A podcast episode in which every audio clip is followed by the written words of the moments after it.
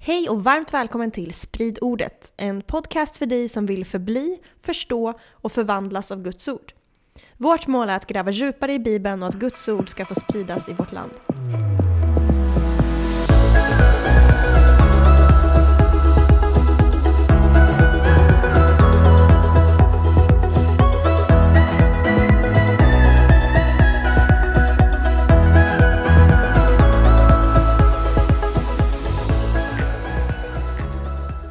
Ja, vi kommer titt som tätt att ha avsnitt där vi, eller kanske snarare du Petrus, svarar på bibelfrågor. Jag flikar in lite här och var. Eh, för det är tack vare er. För att ni är så frågvisa och nyfikna och längtar efter mer av Jesus och vill ha svar på era frågor. Så fortsätt ställa era frågor för att det hjälper inte bara er, det hjälper oss, men framförallt hjälper det alla er som lyssnar. Så det är superkul. Ja, vi får eh, lära oss att eh, gräva ännu djupare i Guds ord och det blir relevanta eh, samtal eftersom det är sånt som ni går runt och tänker på. verkligen. Och om man vill skicka in frågor så gör man det till hej och där svarar vi på frågorna. Ja. Ja, Så eh, ska vi dyka eller rakt. ja, vi, vi, vi får se om vi, vi lovar inte att svara på alla för vi har inte alla svar. ja, men och vi vi, har inte all tid i världen. Nej. Eh, men eh, absolut. Ska vi hoppa igång med en gång eller? Vi kör, vi kör. Ja. Det, kommer bli ett spännande avsnitt alltså. Ja, vi tror vi kommer hinna med två frågor i det här avsnittet och de är lite relaterade till varandra. Ja. Så det är kul. Då kör vi. Fråga ett. Eh, andra Petrus brev kapitel 3, vers 8-9 handlar om Jesu återkomst och att han dröjer, skriver någon av er lyssnare. Petrus svarar dem han undervisar att Jesus dröjer för att han inte vill att någon ska gå förlorad, utan att alla ska få tid att omvända sig. Var det för att Petrus tänkte så många då att Jesus skulle komma tillbaka inom den generationens livstid? Men utifrån dagens perspektiv med 2000 år sedan Jesus levde är det ett konstigt svar eftersom det hela tiden föds flera människor på jorden och då blir det ständigt nya människor som behöver få tid på sig. Alltså, helt enkelt att eh, det här i andra Petrus att Jesus säger att eh, Petrus skriver att Jesus dröjer för att han inte vill att någon ska få gå förlorad utan att alla ska få tid att omvända sig. Vad, vad innebär det? För det föds ju folk hela tiden. Ja. Sjukt bra fråga som jag själv har funderat på typ hela livet. Men inte med lika bra vetgirighet som ni så att ni ställer det så här. Så att äntligen kommer svaret. Ja, vad kul när du såg frågan. Du sa till mig direkt det här har jag undrat hela livet. Och men ja, jag tänker att vi får väl se. Vi ska göra någon form av svar här. Eh, jag tänker vi läser andra Petrusbrevet 3. Och vi läser faktiskt mer än vers 8 och 9 så vi får hela inramningen. Och sen så kommer jag göra lite sidospår och baka in det här för att eh, det finns så bra godbitar i det här. att ord. Ja, men vi läser vers, Ja. eh, från vers 3 där. Framförallt ska ni veta att i de sista dagarna kommer det människor som drivs av sina begär och som förtalar och hånar er och frågar hur går det med löftet om hans återkomst? Ända sedan våra fäder dog förblir ju allting precis som det har varit från världens begynnelse. De som påstår detta bortser från att det för länge sedan fanns himlar och en jord som uppstod ur vatten och genom vatten i kraft av Guds ord.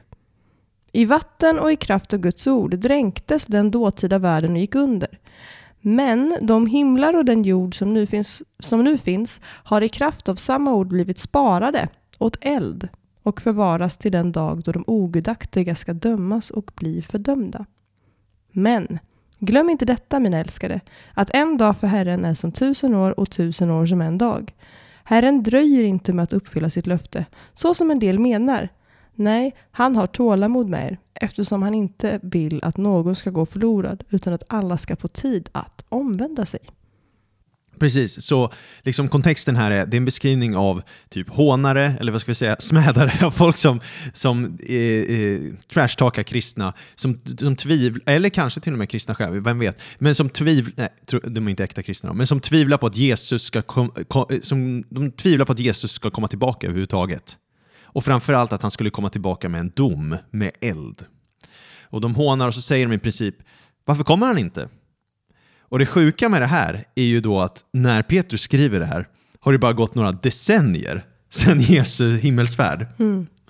Nu lever vi 2000 år senare, nästan. Det är en stund. Och de tyckte det hade dröjt länge efter bara några decennier.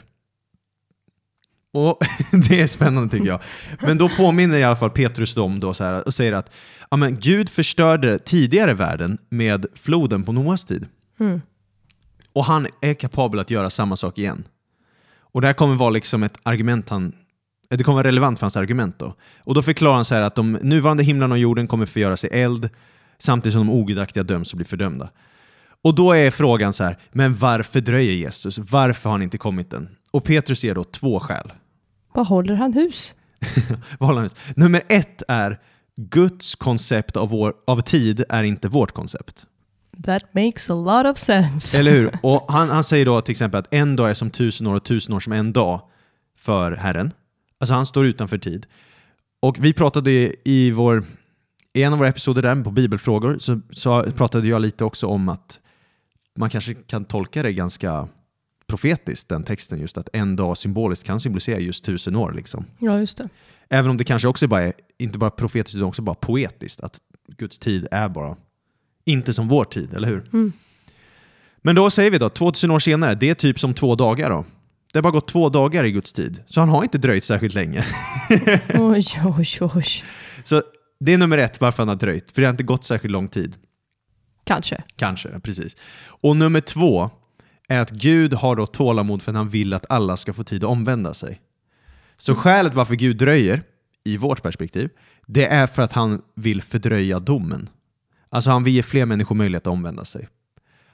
Gud vill inte att någon ska gå förlorad. Och det är en extremt viktig teologisk poäng, att Gud vill inte att någon människa ska gå under i sin synd. Mm. Utan han vill ha en personlig relation med varenda person.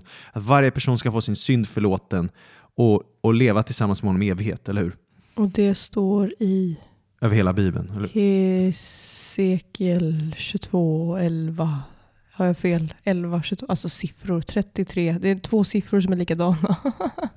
Eh, ja, ja, du tänker på Hesekiel 33.11? 33 Ja, precis. Ja. Att jag, jag gläder mig inte åt den ogudaktiges död. Nej, han vill inte det. Exakt. Utan han vill att de ska vända Det om är och få så leva. bra bibelord. Det är ett av mina favvisar. Hesekiel 33.11, ja det är bra alltså. Bra att jag inte ens vet referensen. Lord have mercy. Ja, Men i alla fall. Och det sjuka med det här då är att Gud vill det och ändå får han inte igenom sin vilja på ett sätt. alltså han vill inte att någon ska gå förlorad. Det är Precis. det han vill. Exakt. Mm. Och ändå får han inte igenom sin vilja. Trots att han är Gud.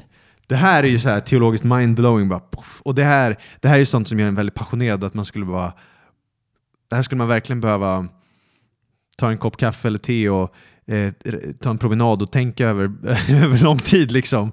För det är verkligen stört. Men, men liksom...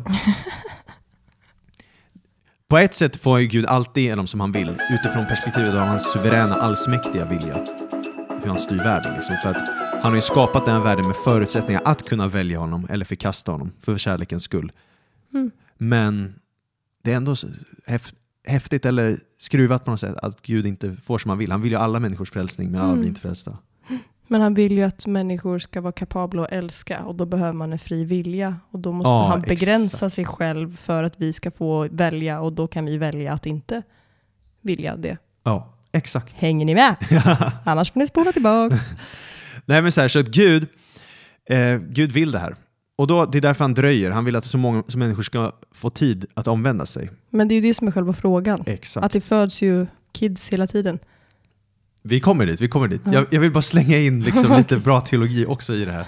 För det, det fascinerande är att Petrus ger ju en referens till Noa-berättelsen innan Ja, jo precis. i, i sin text. Mm. Och så säger han att ja, men, så här var det då och det kommer bli så igen. Och där dröjde ju domen igen jättelänge innan den kom. För då är det ju så här att om man går till första Mosebok kapitel 5 så finns det ett släktträd där, ett släktled som går igenom alla namn, hebreiska Mm. hebreiska namn på patriarken eller de tidiga eh, personerna i Bibelns berättelse. Tjommarna. Ja, exakt. Och då kommer vi till Bibelns äldsta person där. Och det är Metusela. Metusela, ja. Metusela. Exakt. Ja, eller jag vet inte, jag pratade bara svenska nu. Han inte. är, Metusela. jag tror han heter Metu. Tror jag han heter. Ja, precis. Han är en gåta då, för att han är ju Bibelns äldsta person. Men han dör före sin pappa. Mm. Och det låter ju lite konstigt. Hur kan man dö före sin pappa om man är Bibelns äldsta person? För att pappan föds efter honom. ja, ni skulle sett Jennys kroppsspråk där. Men, nej, men det är för att hans pappa är Henok som är en profet och han blir, verkar bli uppryckt till, till Gud och dör inte. Han ser inte döden Men då är det ju en vrickad fråga. Kan du inte säga att han dör före. Då låter det som att han också ska dö. Men det gjorde han inte. Nej, men det, är ändå... Du är sneaky. det var ändå roligt tyckte jag. Ja okej, det var lite Okej, kul. okej. Så att alltså, och där är Henok en profet, och det här står i första Mosebok 5 då, att, han, att Henok vandrar med Gud. Och han, han får Metusela, eller Metushelach. Och det här namnet då, namn är ju väldigt, väldigt viktigt i Bibeln. Och det Henok namnger sin son Metusela, det består av två hebreiska ord, mut och shalach. Och mut betyder död och shalach betyder skicka eller sända. Så han ger sin son namnet hans död ska sända eller hans död ska skicka. Mhm. Charmigt. Charmigt. Och det är för att Gud säger då troligtvis till Henok, att, eller Hanok, att din son kommer vara en symbol. När han dör, då kommer jag sända floden. Så Metusela blir en symbol. Han får den profetiska symboliken. Liksom, att när du dör, då kommer syndafloden. Då kommer Noas flod. Det måste vara väldigt tufft att växa upp med det namnet. Liksom. Alla blev livrädda så fort han blev Please sjuk. don't die. Ja, men verkligen, verkligen sådär. Men, men det spännande är ju då, om Metusela är en symbol på den kommande domen Mm. och han samtidigt är Bibelns äldsta person, Då vill Gud dra ut på domen. Då har vi redan i första Mosebok 5 Guds karaktär, att han är sen till vrede. Han Mm. vill inte komma med vrede. Han förlänger tiden för omvändelse innan domen kommer. Kan man säga att Gud är en prokrastinerare? Vi kan säga att Gud är kärlek. Okej, ja det, Det, det känns då. lite bättre. Känns, känns lite bättre. Prokrastination sker inte alltid av kärlek. Eller, jo, det sker av kärlek, men det är missriktad kärlek. Det är kärlek till njutning eller kärlek till bekvämlighet istället. Så nej. Nej, men exakt. Sådär, så att, och, och Petrus har ju alltid i åtanke när han skriver då att Gud dröjer liksom med, med sin vrede. Så det tror jag bara är viktigt att ha i åtanke liksom, teologiskt. Jag bara slängde in för det är så cool mind-blowing fact. Men då, vi tar frågan, vi tar frågan då. Det var två specifika frågor. Trodde Petrus att Jesus skulle komma tillbaka i hans livstid? Mm. Och den andra var ju och att alla på hans tid skulle föra evangeliet. Och då var ju frågan typ att den tanken är ju märklig eftersom det föds människor hela tiden. Jo. Ja. Men då kan man ju tänka så här, ja men det föddes ju människor på jorden hela tiden under Petrus tid också. Mm. Vilket gör att oavsett när Jesus kommer, eller kom, i deras mindset, skulle det alltid finnas någon som inte tror på Jesus. Om man inte tror att hela världen måste bli kristen innan han kommer. Mm. Eller hur? Ja, eller att man tänker att barn går in under paraplyt.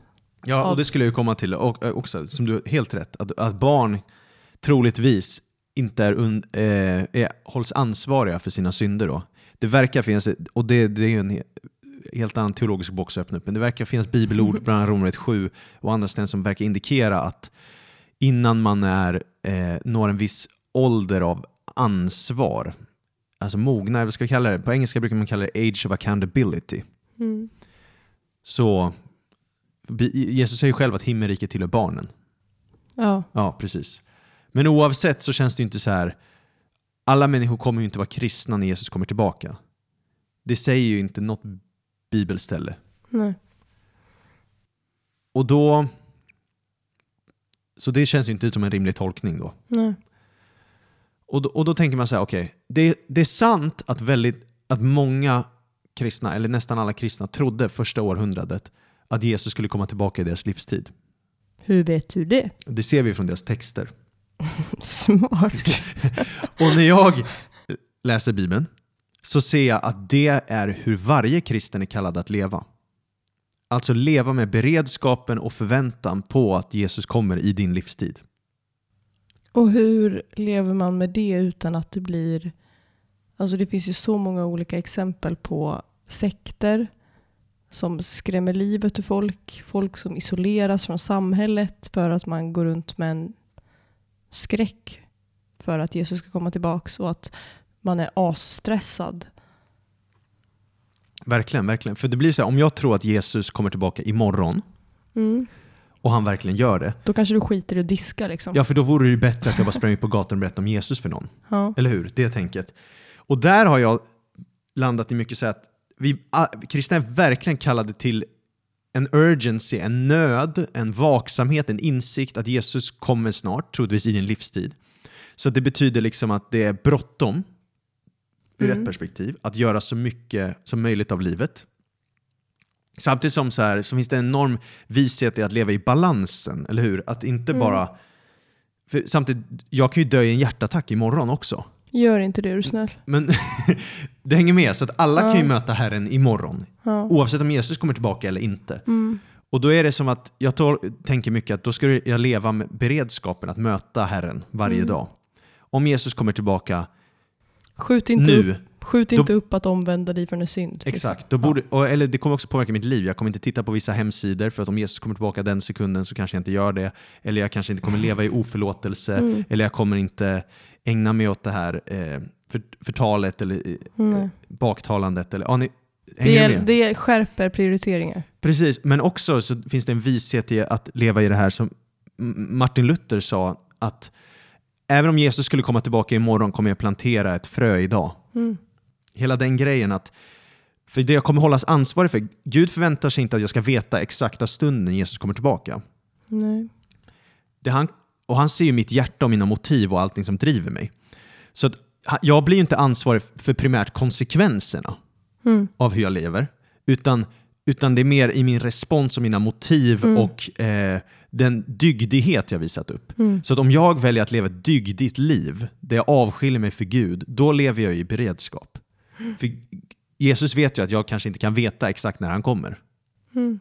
Även om jag ska kunna ändå se tidstecken och ana att han står för dörren. Mm. Det säger Bibeln att vi, det ska inte överraska oss som en tjuv om natten, utan vi är ljusets barn. Och det ska inte överraska oss helt och fullt, utan vi ska liksom vi ska ana att nu är det Man ska nära. vara vak- vaken. Men att jag ändå lever med det långsiktiga perspektivet också. Ja, Lite som vi har pratat om i flera andra avsnitt. Att Bibeln är mycket både och. Eh, om, man, om man bara lever i att han kommer imorgon, då hamnar man i liksom sektskräcken.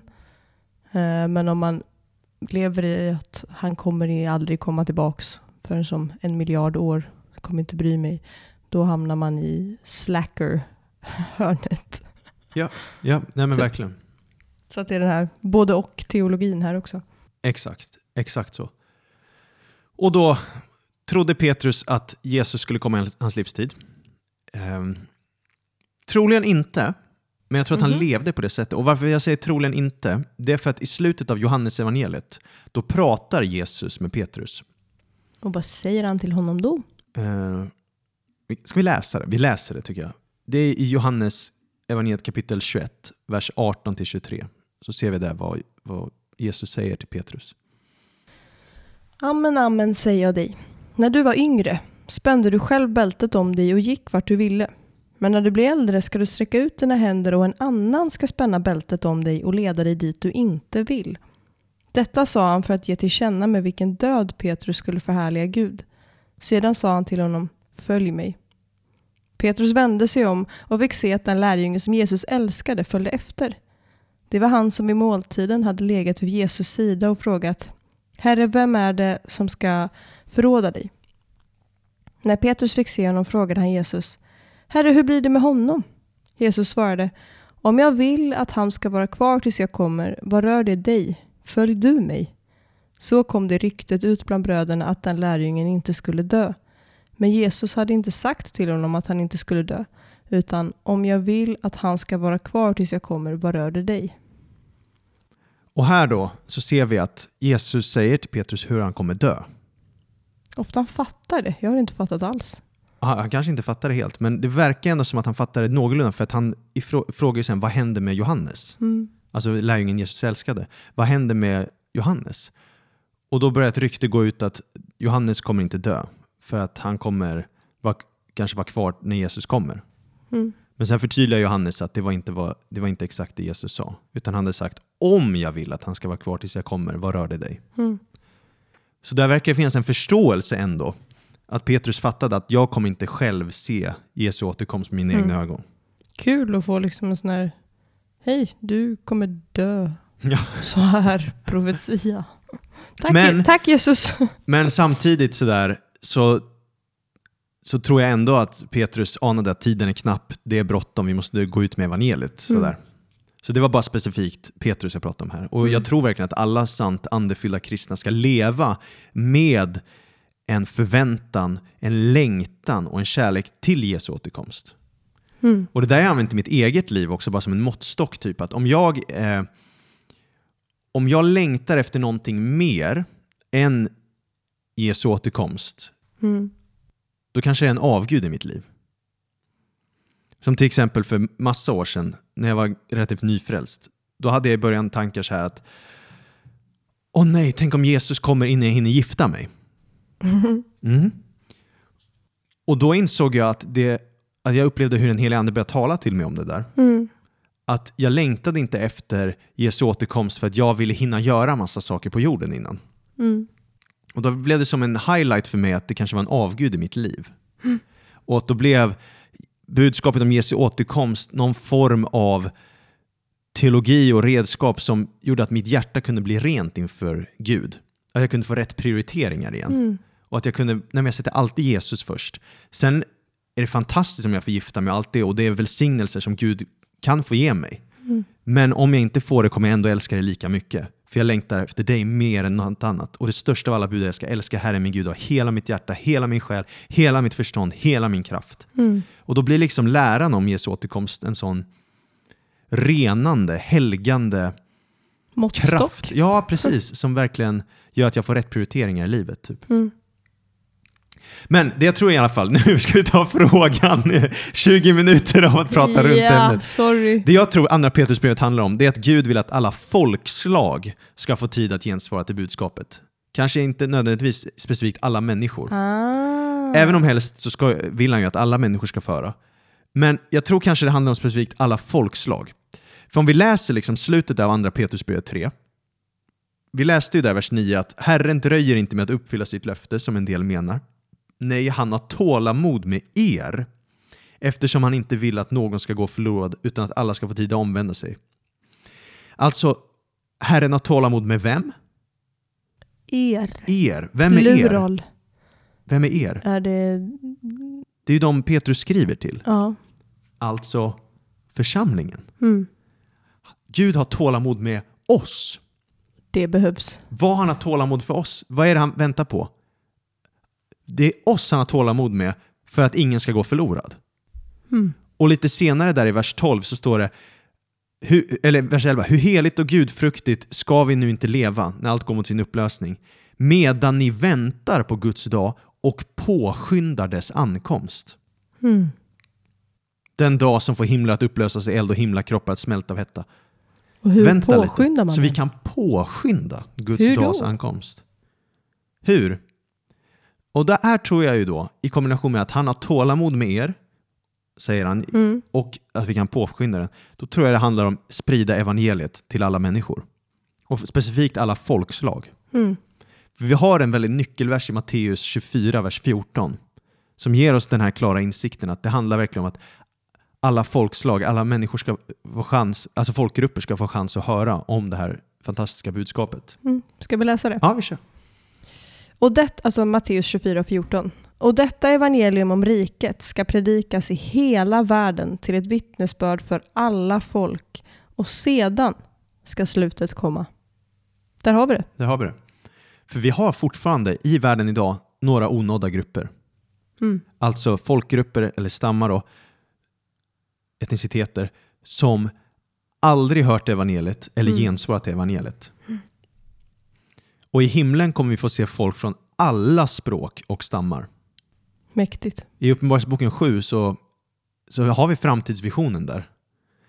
Hur, hur vi ser liksom hur, hur en stor skara som ingen kan räkna av alla folkslag, stammar, eh, länder och språk står Mm. inför tronen. Och de är klädda i vitt och palmblad i händerna. och ropar liksom frälsningen till vår Gud. Honom som sitter på tronen och lammet. Och framtidsvisionen är att vi kommer se alla folkslag. Mm. Och alla folkslag har ännu inte gensvarat evangeliet. Nej. Och jag tror här, eftersom vi i västvärlden tänker så otroligt individuellt alltid och personligt, att vi ibland missar Bibelns mer österländska kollektiva tänkande. Mm. I att ofta kan det vara till och med att Gud dömer nationer, folkslag och sånt för synder de har samlat på sig över tid. Mm. Eh, Hänger du med den tanken? Så till exempel i Första Mosebok 15 när, när Herren pratar med Abraham och ska, talar om att jag ska ge dig det förlovade landet framöver. Då säger han ju så här att du kommer, du kommer liksom i, gå i, i, i frid, du kommer begravas.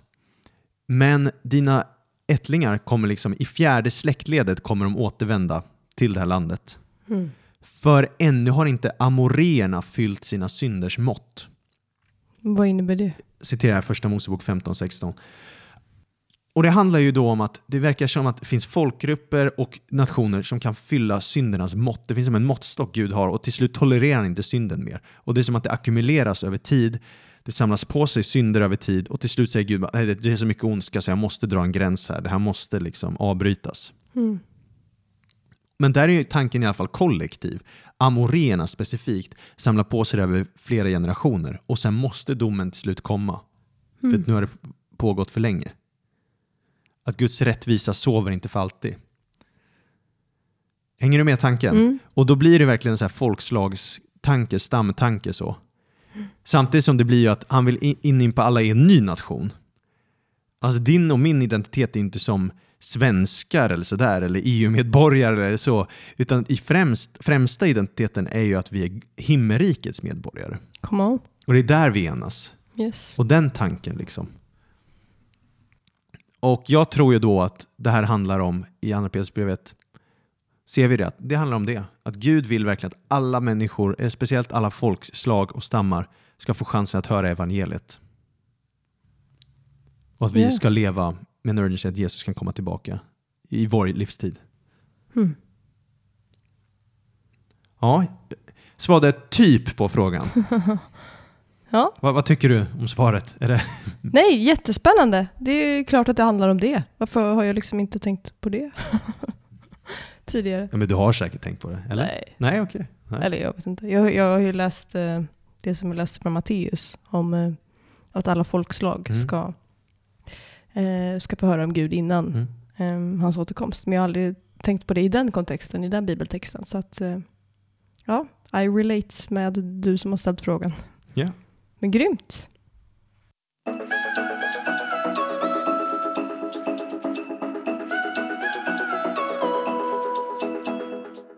Grymt.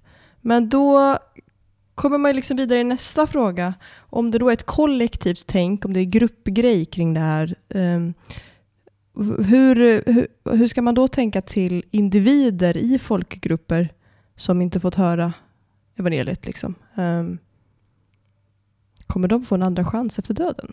För det, det är en annan fråga vi har fått in. Jag ska läsa hur frågeställaren ställer den. Så här då. Kommer alla människor få en andra chans? Tänker på alla de som inte haft möjlighet att, till att lära känna vägen, sanningen och livet som vi kristna. Till exempel förintelsens offer, människor från andra religioner, inklusive muslimer, hinduer, buddister och så vidare. Ja, bra fråga. Jättebra fråga. Eh, och, och då ska jag försöka eh, ja, vi ska försöka svara på det här så bibliskt som möjligt. Det är ju lätt att komma in i liksom filosofiska tankar eller så här och reflektera över sånt. Och, men jag ska försöka bara ge så mycket bibelsvar som möjligt så kan vi hitta en pusselbitar och se vad vi tror Bibeln lär. Liksom. Mm. Så vi kristna tror ju någonstans att det finns två destinationer efter döden. Alltså, eller snarare så här, vi tror att det kommer ske en uppståndelse av de döda. Mm. Alla som dött kommer uppstå från de döda och dömas för Mm. sina gärningar. Och ut- utifrån det då så kommer man sen då komma antingen in i himmelriket eller helvetet som Bibeln kallar eldsjön. Mm. Och himmelriket kommer vara på jorden. Och så kommer vi vara där tillsammans med Jesus då. Mm. Så det finns liksom egentligen två grundläggande destinationer. Så. Mm. Och Får bara snabbt där, man kommer dömas efter sina gärningar. Eh, hur kommer man till himlen då? Mm, ja, men det är det jag ska komma till. Det Då. kommer du till. ja, men väldigt bra fråga. För det här är ju baserat på Va, va, vad det här är baserat på då är ju den grundläggande kristna läran Mm. som är att alla människor har syndat Japp. och alla har gått miste om Guds härlighet. Mm. Det vill säga, om varje människa skulle fördömas för sin synd, då skulle Gud vara rättvis. Mm. Och då skulle vi alla vara sayonara. Exakt, för att synd är så pass allvarligt i Guds ögon. Mm. Alltså Gud är så helig. Han tolererar inte synd, han vill inte ha synd. Synd är något fruktansvärt brott i Guds ögon. Mm. Och ibland förminskar vi synd. Liksom. Ja. Gud, det är otroligt allvarligt. Liksom. Så om Gud skulle kasta dig och mig till evig fördömelse, då skulle han vara rättvis. Oh yes. För att vi är brottslingar. Mm. Och i, i, i ljuset av den standard som Gud har så förtjänar vi liksom inte att... Vi förtjänar inte härligheten. Så vad ska vi göra? Nej, men så, här, så att istället för att bli fördömd så kan man ju bli frälst. Och frälsningen är av nåd. Det här är också en grundläggande kristen Vilken lära. bra liksom. idé! Nåd är inte något du förtjänar. Nej. Det är det definitionen är. Vi förtjänar inte nåden. Vi förtjänar inte frälsningen. Med andra ord, ingen människa förtjänar en relation med Gud. Nej. Ingen människa förtjänar förlåtelse. Du Mm. kan inte eh, göra tillräckligt många gärningar så att du blir förlåten. Nej. Utan det är bara nåd. Så ibland när man ställer frågan vad händer med de som inte hört evangeliet? De, alltså de ofrälsta, de som Mm. inte trodde på Jesus. Vad händer med dem som dog i sina synder? Då finns det ofta en underton i den frågan som är förtjänar de inte att bli frälsta? Mm. Just det. Som om det vore rättvist att bli frälst. Mm. Men Bibelns perspektiv är att det är inte rättvist att bli frälst. Nej. Ingen förtjänar att bli räddad från sina synder. Mm. Så det är liksom min första punkt i det här pusslet då. Och det är ju alltså bara innan vi går in på de svåra frågorna kring det här. Alltså man blir ju gråtmild. alltså jag blir så rörd över vad Jesus har gjort. Exakt. Och jag tänker att den här desperationen är så viktig att vi kommer ihåg. Mm. Att man inte så här, oj nu har jag varit kristen i si och så många år. Vad bra. Mm. Det rullar på, jag går på mina gudstjänster. Alltså det, är- det är en fråga om liv och död. Och vi, det, det, det är vad Jesus, alltså det är vad Jesus gör för oss. Exakt. Och, och vilken destruktiv kraft synden är och hur allvarligt det är. Och hur jag så här, alltså när man bara tänker på jag förtjänar inte att ha en relation med Gud. Mm. Och ändå vill han ha det. Ja. Alltså man bara, huh. Eller tänk dig gåshud. Paulus som liksom hade hela sitt liv ägnat åt att förstöra andra människors liv. Mm. Motarbeta Gud själv. Ja. Och sen få ett möte med Gud och Gud säger jag förlåter dig. Hur du har förstört för så många människor, men jag ger dig en Mm. chans. Det är bara nåd. Mm. Och det är så med oss också, oavsett hur allvarligt vi är. Vi behöver inte vara religiösa terrorister som, som Paulus var för att, för att förstå det. Liksom. Så en aspekt av det är ju hela då, ingen förtjänar att bli frälst. Alla har syndat och saknar härligheten från Gud. En annan aspekt av det hela det är att Jesus är enda sättet att bli räddad och förlåten och frälst för sina synder enligt Mm. Bibeln. Det står i Apostlagärningarna 4.12 om det. Vi kan ju läsa det. Hos ingen annan finns frälsningen. Inte heller finns det under himlen något annat namn som givits åt människor genom vilket vi blir frälsta. Alltså bara Jesus. Bara Jesus. Jesus är enda vägen till Gud. Utan Jesus, ingen räddning. Utan Jesus räddas du inte undan den kommande vredesdomen. Och det är faktiskt så här att Jesus bar på sig straffet för mänsklighetens synd. Mm. Gud är en rättvis domare. Han vill då bland annat, försoningen innefattar väldigt många saker, men en av sakerna den eh, innefattar är det räddning undan Guds vrede. Mm. Ja, vi blir faktiskt räddade från Guds egen vrede. Det är med att Jesus tar på sig mänsklighetens synd och då blidkar Guds vrede. Han tar på sig straffet och tar på sig konsekvenserna för vår synd. Mm. Så vi kan gå fria. Så liksom, punkt ett är ju då, alla har syndat och förtjänar domen, förtjänar Guds vrede. Och då menar vi verkligen alla, jude eller hedning, Oavsett vad det är, ingen får frikort. Liksom. Det är den bibliska läran. Mm.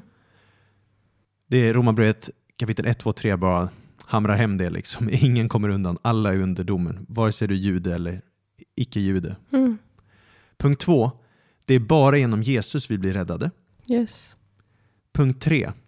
Gud vill att alla människor ska bli räddade, eller frälsta. Då. Amen. Amen. Och vi läste ju det innan, andra Petrusbrevet 3.9. Gud vill inte att någon ska gå förlorad, utan alla ska få tid att omvända sig. Mm.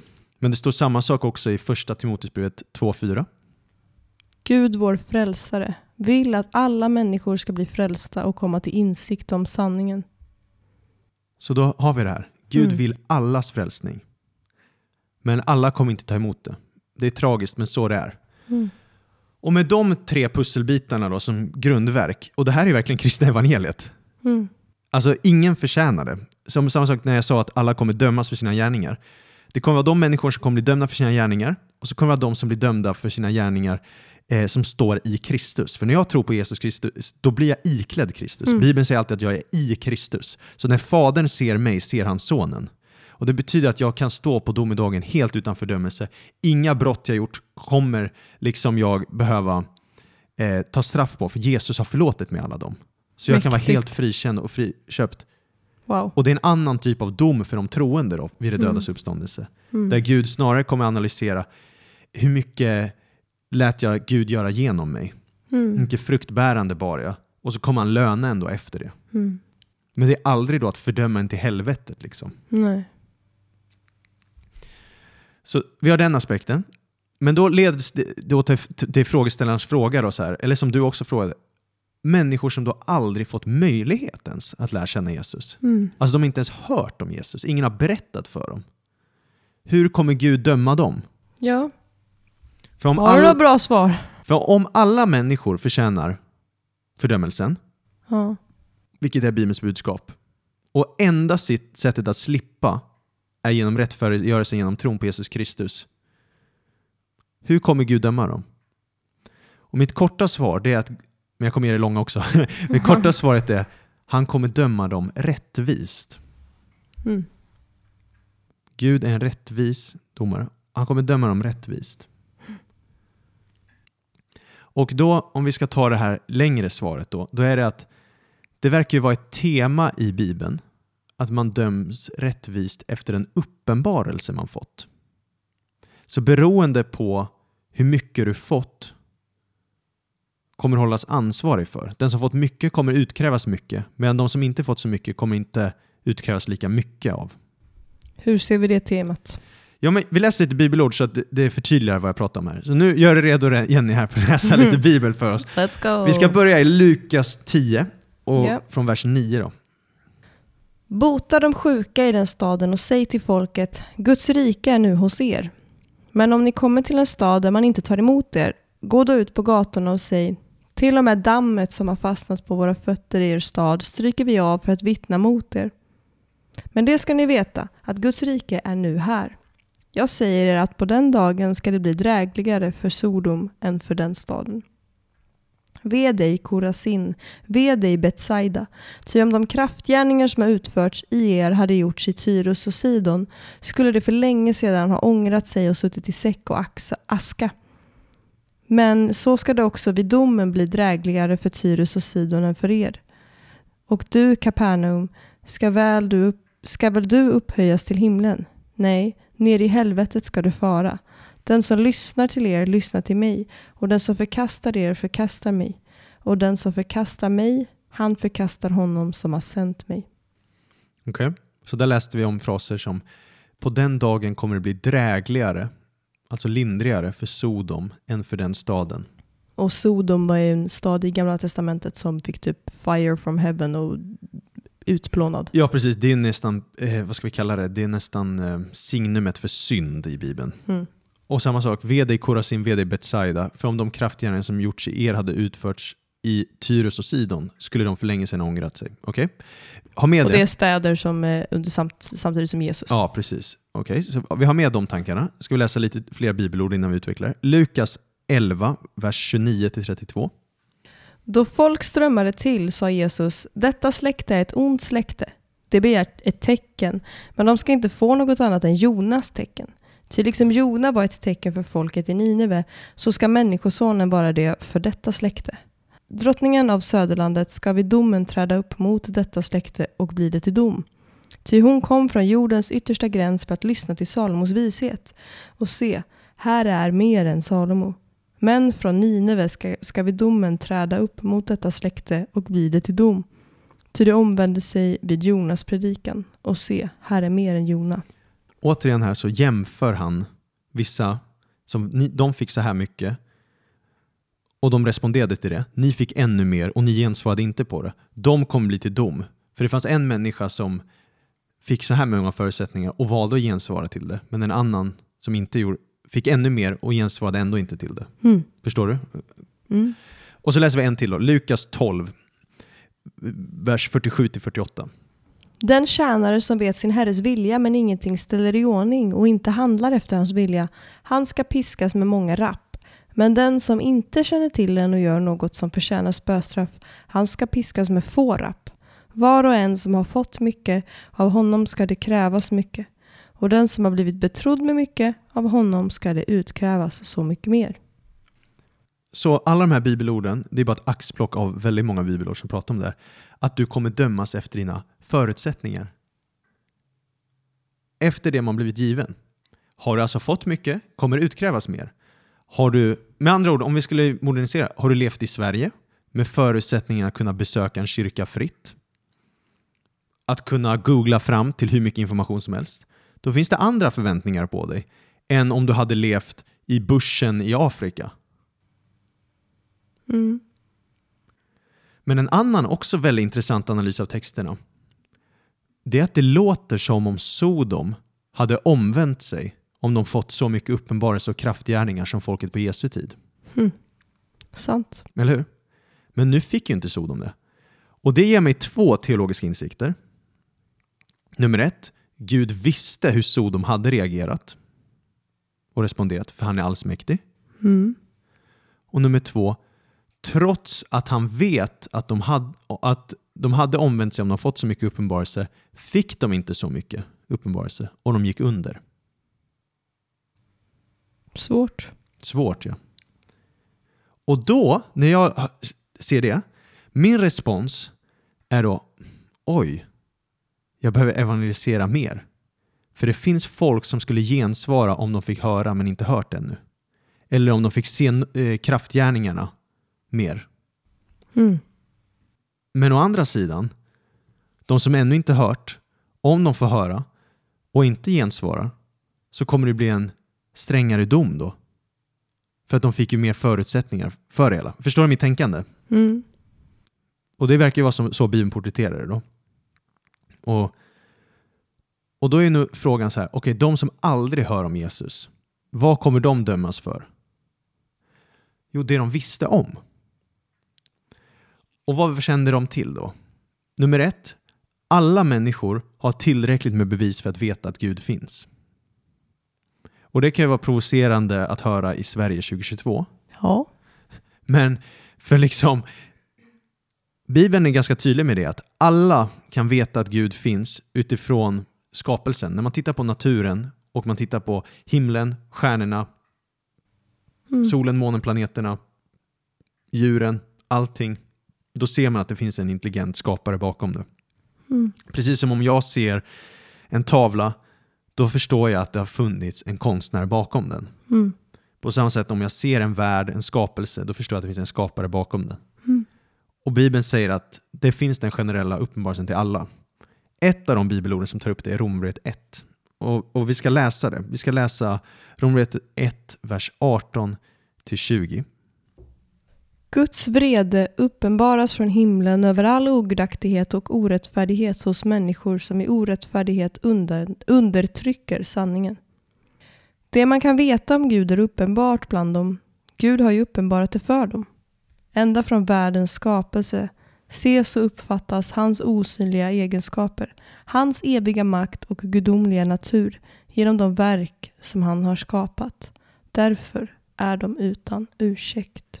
Så här säger alltså Paulus att alla människor är utan ursäkt. Man kan inte säga till Gud, jag visste inte att du fanns. För att det man kan veta om Gud är uppenbart bland dem. Gud har uppenbarat det för dem. Mm. Det är det teologer kallar den allmänna uppenbarelsen, eller den generella uppenbarelsen, eller allmän är ett bättre ord. Där alla människor kan förstå att Gud finns bara genom att titta på den här fantastiska världen vi har. Mm. Och jag, jag personligen tror att varför vi har så mycket ateism idag, Ja. vilket inte är ett historiskt fenomen om man tittar ur mänsklighetens historia, eller ens om man tittar i världen i stort. Men varför ateism har blivit så utbrett i bland annat Sverige, men också många andra länder, jag tror det har mycket med urbanisering att göra. Och, industrialisering, att man bor i kanske storstäder och sånt, Mm. och det enda du omjordas kring eller omringas av är saker gjorda av människor. Mm. Du konfronteras inte så ofta med det sak, saker Gud har gjort. Mm. För du, du ser bara byggnader, du ser Mm. bilar, du ser bussar. Alltså det, I storstäderna, där är det som mest ateism. Och det är för att du bara är runt omkring saker människor gjort. Och när du väl är i naturen så cirkulerar dina tankar kring saker som människor har gjort. För du är så uppfylld av det. Precis. Exakt. Men Bibeln säger ändå att det är en allmän uppenbarelse alla människor har. Att bara genom att titta på naturen så vet du att Gud existerar. Ja. Och då, att du anar att det finns någon högre makt du ska ge respons till. Mm. Så det är nummer ett. Bibeln säger att alla människor har bevis för att Gud, eh, tillräckligt med bevis för att veta att Gud finns. Eller till och med uppenbarelse ska vi säga. Mm. Nummer två är att alla människor vet om att det finns rätt och fel då. I princip. Alltså, Mm. nu kanske man, någon tänker, ja, psykopater och sådär. Men, men, men om vi bara tar det då. I Romarbrevet 2, vers 14-16. Och du kommer prata om hur både hedningar och judar eh, gör fel, men specifikt fokus på hedningar. För judar hade ju fått lagen, så de visste ju verkligen vad rätt och fel var. Mm. Men hur är det med hedningarna? Vet de också rätt och fel? Och sådär gentemot Gud? Ja, Ty när hedningar som saknar lagen av naturen gör vad lagen befaller, då är de sin egen lag, fastän de inte har lagen. De visar att det som lagen kräver är skrivet i deras hjärtan. Om det vittnar också deras samveten och när de är tillsammans deras tankar som anklagar eller försvarar dem. Det ska visa sig på den dag då Gud dömer det som är fördolt hos människorna, allt enligt det evangelium som jag predikar på Jesu Kristi uppdrag. Så här säger han att människors samveten kommer anklaga dem på domedagen. För att alla människor vet om att det finns rätt och fel. Och deras samveten, deras tankar, vi alla vet att vi gör saker som är fel. Även fast vi inte har kanske tagit del av de tio budorden eller någonting sånt, så har Mm. alla samhällen, alla kulturer sina egna lagar, sina egna inre kompasser, sina egna samveten. Och där har vi alla för, eh, moral. Mm. Och vi alla bryter mot vår moral och blir fördömda av samvetet. Och det är också en del i den här allmänna uppenbarelsen. Och det här är ju det då Paulus säger att människor kommer dömas för på domedagen då. Med den måttstocken, med sin Ja. egen måttstock. Mm. Ja, du klarade inte ens av att leva upp till din egen standard. Så då blir du inte dömd med måttstocken utifrån tio Guds bud. Nej. Hänger du med? Ja. Mm. Men det är ändå att okej, du har gjort massa fel. Men då är så här, okej, då är följdfrågan, m- varför kom Jesus då? Jo, han kom just för att rädda världen. För Bibeln säger att hela världen var under fördömelse. Alltså Gud sände inte sonen för att eh, fördöma världen, utan för att den skulle bli frälst. Eller hur? Amen. Ja. Och det är för att världen var redan under domen. För den som, in, den som tror på sonen blir inte dömd, men den som inte tror är redan dömd. Den som tror blir inte dömd och den som inte tror är redan dömd. Precis, och Jesus sändes inte till världen för att döma världen. För världen var redan under domen. Ja. Förstår återigen det perspektivet vi hade att alla människor är under Mm. domen. Ja. Men det är en barmhärtighetsgärning från Gud att han sänder Jesus. Mm. Och då kanske någon frågar, hur var det då innan Jesus? Vad hölls man ansvarig för då? Och det blir en så stor fråga, för då måste, vi, då måste man liksom öppna upp en hel box. Jag kommer bara prata nu om det som gäller efter korset. Okej? Ja. Alltså det som gäller efter Jesus. Men om man bara kort vill förklara det här då, så är det att i Paulus säger i Apostlagärningarna 17, då håller han ett tal, en predikan. Och där pratar han om Ja, vi läser, vi läser. Apostlagärningarna 17, vers 26-31 också bara. Och han har av en enda människa skapat alla människor och folk för att de ska bo över hela jorden. Han har fastställt bestämda tider och utstakat de gränser inom vilka de ska bo. För att de ska söka Gud, om de möjligen skulle kunna treva sig fram till honom och finna honom, fastän han inte är långt borta från någon enda av oss. Ty i honom är det vi lever, rör oss och är till, så som även några av era egna skalder har sagt. Vi är av hans släkt. Är vi nu av Guds släkt bör vi inte tänka oss att gudomen liknar något av guld, silver eller sten. En bild som kommer till av mänsklig konst och fantasi. Gud har länge haft överseende med okunnighetens tider. Men nu befaller han människorna att de alla och överallt ska omvända sig. Ty han har fastställt en dag då han ska döma världen med rättfärdighet genom den man som, har bestämt, som han har bestämt till det sedan han erbjudit tron åt alla genom att uppväcka honom från de döda. Så det Paulus säger är det att okay, han har skapat alla människor, alla folk, och de ska bo över hela jorden. Och för att de ska söka Gud och om möjligen kunna treva sig fram och finna honom, fastän han är inte är långt borta från någon enda av oss. Mm. Okay, så Gud är nära var och en om du bara söker honom. Men sen säger han där vers 30, Gud har länge haft överseende med okunnighetens tider. Mm. Men nu, alltså efter korset, befaller han alla människor att mm. överallt omvända sig. Så jag vet inte vad som gäller innan Jesus. Vi skulle kunna gå in, det, skulle man, det är en annan ämne i sig, om Jesus steg ner i dödsriket, predika evangelium för dem där så att människorna innan Jesus fick chansen att konfronteras med det. Men det vi ser där i alla fall är att Gud hade överseende med okunnighetens tider. Mm. Så det var någon form av annan måttstock nu. Men efter Jesus, när han har uppväckt honom från de döda, då är verkligen evangeliet så här. Han erbjuder nu tron åt honom, eh, tron på honom. Och det är nu det krävs en speciell uppenbarelse här. Det, för att du behöver höra Jesus, du behöver, tron kommer från predikan, predikan är kraft av Guds ord. Och du behöver ta del av hans speciella uppenbarelse. Mm. Så, och, och, så var det på ett sätt även i det gamla förbundet och hebreiska alltså gamla testamentet, att det, man behövde någon form av special, speciell uppenbarelse från Gud som man gensvarar till. Mm. Men, men alltså, det är alltid genom tron man blir räddad. Det är alltid tron på Gud. Sådär. Och nu för oss gäller det att när vi tror på Jesus blir vi förlåtna och friköpta. Så det är Jesus som räddar. Mm. Och en till pusselbit angående det här som efter korset och de som inte hört om Jesus. Det är för att det är en väldigt speciell story i Apostlagärningarna 10 som lär oss om det här med den allmänna uppenbarelsen. Att Gud gensvarar de som söker honom. För du, du vet, det finns bibelord som säger här, Jeremia 29 att ni kommer finna mig om ni söker mig av hela ert hjärta. Mm. Även om det verkar, ovanligt att, det verkar vara ovanligt att människor söker Gud av hela sitt hjärta så finns det ändå så en story i Apostlagärningarna 10 om en jätteöverlåten hedning. Han är inte jude, en, en, han är en hedning, en Cornelius heter han. Och han ber till Gud över, överlåtet. Liksom. Mm. Och det som händer är att en ängel kommer till mm. honom. Och så säger han åt honom, sänd efter en man som heter Petrus. Och då sänder Cornelius ut och han, får ha, liksom, han bara eh, skickar dem för att hämta Petrus. Och han säger att en ängel har kommit med uppenbarelsen och du ska komma och tala till honom. Så aposteln Petrus han tar sig då till Cornelius. Mm. Och där förväntar sig Cornelius att få höra budskapet som gör honom frälst. För då står det så här, Apostlagärningarna 11, 13-14. Cornelius berättade för oss hur han hade sett ängeln stå i hans hus och säga skicka bud till Joppe och hämta hit en Simon som kallas Petrus. Han ska tala till dig och genom de orden ska du bli frälst, du och hela din familj. Genom de orden? Alltså mm. han behövde höra orden och ta emot dem för att bli frälst? Ja. Det verkade alltså med andra ord som att Cornelius, trots sin religiösa uppriktighet, trots sin fromhet, trots sin liksom att han bad jättemycket, så hade han gått förlorad om han inte fått tag i budskapet. Just för han hade behövt höra, predikan.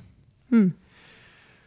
Och då är det som att så här, om en genuin onådd sökare finns där ute, då borde vi förvänta oss att Gud kommer uppenbara det budskapet om evangeliet för henne på något sätt. Mm. För det var ju så det var med Cornelius. Mm. Så det finns ju människor runt om i världen som söker Gud på något sätt, uppriktigt, och då kommer Gud uppenbara sig för dem. Vare sig om det är genom en dröm, en ängel, en missionär, internet eller whatever. Mm. Så i det sättet är Gud rättvis då. Men det är ändå en annan intressant insikt är att om det hade funnits någon kandidat någonsin för att bli frälst genom generell uppen, eller allmän uppenbarelse så är det ju Cornelius. För han var hängiven, han var gudfruktig man efter det ljus han hade fått. Mm. Men det verkade ju ändå inte vara nog. För Petrus behövde ju lämna sitt hem, resa nästan 50 kilometer, alltså fem mil, för att ge ett budskap. Och det budskapet är det budskapet som ingen kan bli frälst utan. Mm. Och det här kan ju väcka lite reaktioner när man hör det här. Det blir så här, nej, oj vad Gud är orättvis. Mm. Eller hur? Man kan ju tänka det. För alla får ju inte ens höra. Men då pratade vi om det innan. Nej, Gud är rättvis. Men han är också barmhärtig och nådefull. Och en respons kan ju vara bara, nej, vad är det här för Gud? Det vill inte jag tjäna. Och en annan eh, ett gensvar kan ju vara, "Åh, vi måste berätta mer om Jesus. Mm. Vi måste missionera mer. För utan Jesus finns det ingen räddning. Nej. Vad tänker du när du hör det? Jag tänker på båda responserna. Mm. Eh, självklart blir man så här, oj vi måste få med alla. Eh, men också det här, det känns, jo, det är jobbig sanning. Mm. Jättejobbig. Ja. Um, sorglig. Svårförståelig. Och jag hoppas vi har fel. på ett sätt. Fast på ett sätt inte, för då skulle ju Gud inte vara rättvis och då skulle jag kompromissa med synden. Ja, och jag vet inte, annars har vi ju inget evangelium. Vi tror ju verkligen Jesus är enda vägen. Det är ju det vi tror. Ja, Jesus men sa- samtidigt så säger du ju också att, eh, eller du, ja, du, du la fram att eh, alla kan höra, eller att det liksom är enough med skapelsen, typ, att förstå att det finns en gud. Mm, mm. Eh, och att man utifrån det då kan förstå att det är Gud. Och om man då riktar sin bön till guden som har skapat allt men inte vet att det är Jesus, Mm. kan man bli frälst då? Och det är då det verkar som så här, Cornelius Ja. verkade ju ändå behöva att någon predikar evangelium för honom. Ja, men samtidigt sa du också att utifrån eh, att man kommer bli dömd utifrån hur mycket man har fått. Ja. Och om man då bara har fått det Mm. och man riktar sin tillbedjan till Gud som är skaparen, det är ju Jesus, men man vet inte att han heter Jesus. Mm, mm, mm. Då Men då- borde man ju kunna bli frälst genom det. Ja, möjligtvis. Bara om det är genom tron på liksom att, ehm, att det- det är tron på den levande guden. Alltså förstår du? Innan Jesus så var det samma sak, du blev räddad genom tron. Att du satte din tillit till Gud. Mm. Att du avsade dig självrättfärdighet. Att du trodde Mm. att det handlade om vad du kan göra för Gud. Att ta emot den här försoningen och förlåtelse och allting. Mm. Men samtidigt så är det ju det här att Bibeln är ju solklar med att ni måste ut med det här budskapet nu. Mm. Världen håller på att gå under. Ni måste ut med det nu, nu, nu, nu, nu. Mm. Hänger du med vad jag menar? Liksom, för, Absolut. för det är lite det här typ, Paulus säger i andra Timoteusbrevet 2.10, därför uthärdar jag, Paulus, allt för de utvaldas skull. För att de ska vinna frälsningen i Kristus Jesus och den eviga härligheten. Alltså Mm. Paulus uthärdade allt, han gav allt för att människor skulle få höra om Jesus. Mm. Han måste verkligen trott med hela sitt hjärta att människors frälsning är på andra sidan min lydnad. På andra sidan min överlåtelse. Mm. Och, och det är den vi behöver ha, liksom. den här insikten på wow, let's go. Vi måste ut med Jesus. Vi är alla separerade från Gud, men nu har jag fått en relation med honom. Nu måste alla få chansen att få det här. Och jag tror att det, om vi börjar tänka att man får ett frikort bara för att man inte hört om Jesus, då är det farliga konsekvenser av det. Då blir det att man inte delar med sig av Jesus för då räddar man folk genom att de inte får veta. Och tänk om de råkat få veta, då skulle de ändå gå under. Exakt. Jag, jag ökar bara deras chanser till fördömelse. För om jag går och berättar om Jesus för dem, de tror inte på Jesus, då blir de fördömda. Men om Mm. de, alltså, fattar du? Mm. Och det är ju inte ett bibliskt perspektiv, utan Bibelns perspektiv är att för evangeliet till jordens ändar. Ja. Men sen, som sagt, vi vet inte, vi är inte Gud. Gud är rättvis, Gud är nådefull, Gud är god. Allt det där. Så att i i slutändan lägger vi allt i Guds händer. Ja. Men jag pratar bara om vår respons nu som troende. Yes. Och det är, vi behöver missionera mycket mer. Yes. Alla folkgrupper och alla platser ska få höra om Jesus. Amen. Och vi behöver börja brinna mycket mer för mission. Och när jag bara eh, satt och tänkte inför det här avsnittet, jag bara kände som brand i mitt hjärta att vi behöver nå de onådda folkgrupperna. Mm. Vi behöver även nå våra grannar. Vi Mm. behöver evangelisera mer, för tiden är knapp. Evigheten är på riktigt. Vi, vi, vi tror verkligen helhjärtat att Bibelns budskap är sant. Vi har sett att Bibeln är övernaturlig. Vi Ja. ser allt i Bibelns design, att det här är ett budskap vi kan lita på. Jesus har förvandlat ditt liv och mitt liv. Vi har fått uppleva hur Guds kärlek utgjutits i våra hjärtan. Ja. Vi tror på allt det här. Då måste vi tro på alltihop. Vi kan inte Mm. bara klippa och klistra i Bibeln hur vi vill ha de Nej. sanningar vi tycker om, som är bekväma, som passar 2022 års liksom, modell. Utan det här är sanningar. Mm. Och jag menar, vi, vi måste ju nå människor här i Sverige och långt utanför det. Mm. Och jag, jag tänk, när, jag, när jag tänkte på det här så började jag kolla på sådana organisationer som jobbar med att nå de onådda folkgrupperna. Mm. Och där finns det en grupp som heter Josh, eh, en, en, ett, vad heter det? Organisation. Ja, som heter Joshua Project. Mm. Och du prenumererar ju på deras mail. Ja, precis. Man kan eh, man går in på deras hemsida, Josh, Joshua Project, jag vet inte om det är org eller kom. Ehm, då kan man välja att prenumerera på deras nyhetsbrev eh, och då får man, beroende på, jag har inte varje dag för att jag gick typ under av det, men jag får kanske tre gånger i veckan eller något.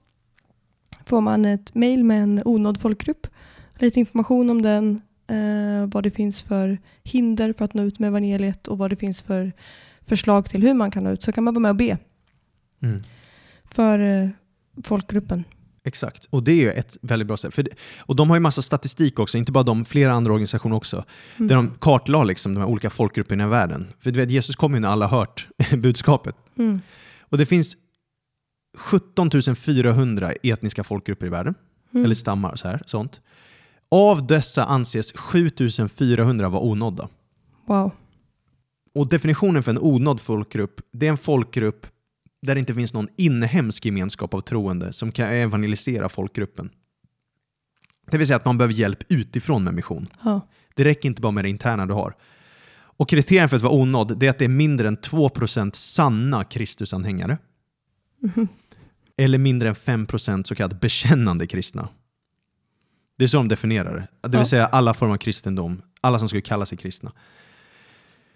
Men det betyder alltså att 7400 folkgrupper är onådda. Det är 3,3 miljarder människor på jorden. Åh käre värld. Det betyder att över 40% av världens folkgrupper inte har någon inhemsk gemenskap av troende kristna som kan evangelisera resten av folkgruppen, utan man behöver hjälp utifrån. Det är galet. Mm. Och av de här så är det cirka 300, det var någon, någon organisation som kartlade till 327, eller 326, jag minns inte, helt onådda folkgrupper. Alltså där man tittade i alla missionsböcker, all missionshistorik, man har inte hittat någon någonsin från den stammen som hört evangeliet eller tagit emot Jesus. Mm. 327 stycken sådana. Och 300, cirka 300 stycken, man vet ju inte exakt. Det är inte supermycket, men det är för mycket. Ja. Jag, jag, jag lyssnade på en podd som heter Svensk pionjärmission. De, de tog, pratade om det här, de brinner för liksom mission och sådär. Mm. Och de tog upp de här och det var jättespännande. Det finns flera andra missionsorganisationer. Det finns ju Operation Mission, Mm. det är OM som eh, är jättebra i mission- missionsarbete och sådär. Mm. Och de och flera andra gör ju också, om du lyssnar här och känner att, eller känner och känner, upplever att Herren manar dig att åka ut. Um, Mm. Flera har ju alltså långtidsresor man kan åka på, men vet OM, så finns det något som heter Testa Mission, det finns Step Out, det finns massa grejer där man kan testa på kort tid. Um, ja, det finns många möjligheter. Så bra. Och, och ja, Det finns säkert du som lyssnar på det här som är kallad till utlandsmission. Men sen finns det du också som är kallad till att nå de onådda i vårt land. Mm. För det är dags nu. Alltså vi är så få kristna i det här landet. Mm. Vi är nästan ett onått land alltså. Mm. Frå- Jag vet inte hur många procent sanna Kristusanhängare finns i det här landet. Mm. Men det är ju många missionärer nu från andra länder som börjar komma till Sverige för att det är så illa. Mm. Tack. Och tack till dem. Och samtidigt så har jag läst ett så tänkvärt citat. Det är där Oswald J. Smith, han sa varför ska någon få höra evangeliet två gånger när vissa inte fått höra det en gång? Mm. Starkt. Det är starkt. Och när man kollar på all statistik så är det så här att David Platt en känd person inom mission och han säger att kyrkor spenderar ungefär 99% av deras missionsresurser på platser som redan hört evangeliet en gång. Mm. 99% av sina resurser på det. Wow. av missionsresurserna. Det vill säga kyrkor spenderar 1% av sina missionsresurser på de 3 miljarder människor i de över 7000 folkgrupper som inte hört evangeliet alls. Amerikanska kyrkor. Ja, exakt. Det är ju David Platts statistik då för Mm. amerikanska kyrkor. Men det finns ungefär 400 000 kristna Mm. som klassas som missionärer. Då. Eh, eh, Det här är David Mm. Platts statistik då på Radical, som är hans hemsida. Och om man anses vara missionär då, om man flyttat utomlands, eller flyttat någonstans bara, för utbredandet av evangeliet. Av de här 400 000 missionärerna är det bara 3% som går till de onådda. Sjukt. Mm. Och Det betyder inte att de som tjänar bland de, alltså, det är ju fel att säga nådda folken, förstår du? Alltså, Det är Mm. fel att säga att liksom, För det är fortfarande på individnivå. ja på individnivå är ju hur mycket som helst. Liksom. Eh, men det är ändå, oj oj oj, vi behöver, no- de onådda behöver Snedfördelning. eller hur? Eller hur? Och jag menar, Guds hjärta ligger ju på de förlorade. Han är ju verkligen tydlig med att han lämnar de 99 fåren för att söka upp det enda förlorade fåret. Mm. Och den här grejen. Och vi behöver verkligen göra så mycket mer. Och det, det sägs att en miljard människor lever i bibelfattigdom. Och det finns så många Vad är organisationer. det? Det är att man inte har tillgång till Guds ord på sitt Ja. språk. Mm. Men det finns, det finns då organisationer som gått samman så här, och de har som mål då att eh, man ska nå ut med evangeliet till år 2033. Vi får se om det blir eh, uppfyllt, men alltså att man ska nå de här folkgrupperna. Men jag tänkte bara, alltså när, när vi pratade om allt det här, jag, jag tror att det är någon som lyssnar som, du har missionskallelse på ditt liv. Du har evangelisationskallelse på ditt liv. Antingen i Sverige, eller utlandsmission, eller helt till de onådda folken. Och det bara brinner för dig nu. Att de, du har en kallelse på ditt liv. Du har, du har tvekat, ska jag åka på den här missionsresan eller inte? Ska jag göra det här eller inte? Och jag tror Gud säger till dig, ja du ska göra det. Det ligger på mitt hjärta. Mm. Mitt faders hjärta, min kärlek till den här mänskligheten. Samma kärlek som drev mig till att sända den, min enfödde son till den här världen. Så att han offrade allting, dog på ett kors, var villig att ge upp precis allting så att du skulle kunna få relation med mig. Jag vill att du ska vara redskap för min kärlek på den här jorden och visa upp den självuppoffrande kärleken. För du har fått smaka på min kärlek och nåd. Liksom. Mm. Och jag tror verkligen att det här är ett sånt avsnitt där vi får bara gå ifrån med en eftersmak av allvarsamhet, längtan och kärlek framförallt till människor. Mm. Att vi bara lämnar med kärlek. Mm. Så jag tänkte att vi skulle avsluta det här avsnittet med att be verkligen.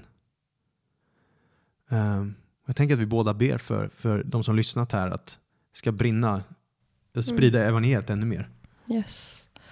Ja, tack Jesus för frälsningen i dig. Um, tack för att även fast vi inte förtjänar det så väljer du att slösa din kärlek på oss Gud.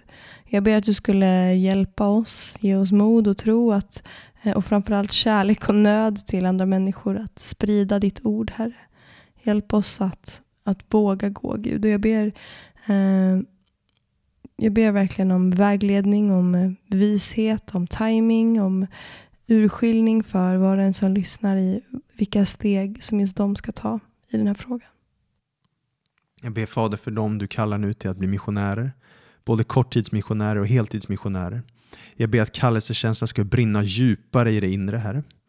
Jag tackar dig Fader att du skulle lägga folkgrupper på hjärtan. De skulle få se, de skulle få höra ropet och se människor som inte känner dig och inte har någon relation till dig, Herre. Mm. Jag ber för dem som, att du skulle lägga personer, liksom, grannar och nära och kära i vårt närområde på våra hjärtan nu, till de som lyssnar. Och och jag ber för dem nu att de skulle ha modet att berätta om dig, Herre. Mm. Jag ber för de som sitter i kyrkors styrelse eller församlingsledning eller ledarpositioner i kyrkor, Herre. Att du skulle tala till dem angående hur man ska budgetera kring mission och, och prata om det i sin församling och nå ut med budskapet, Herre. Mm.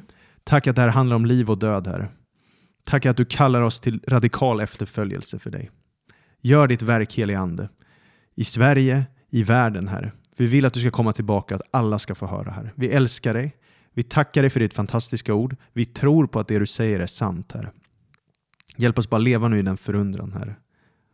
Och överlåtelsen. I Jesu namn. Amen.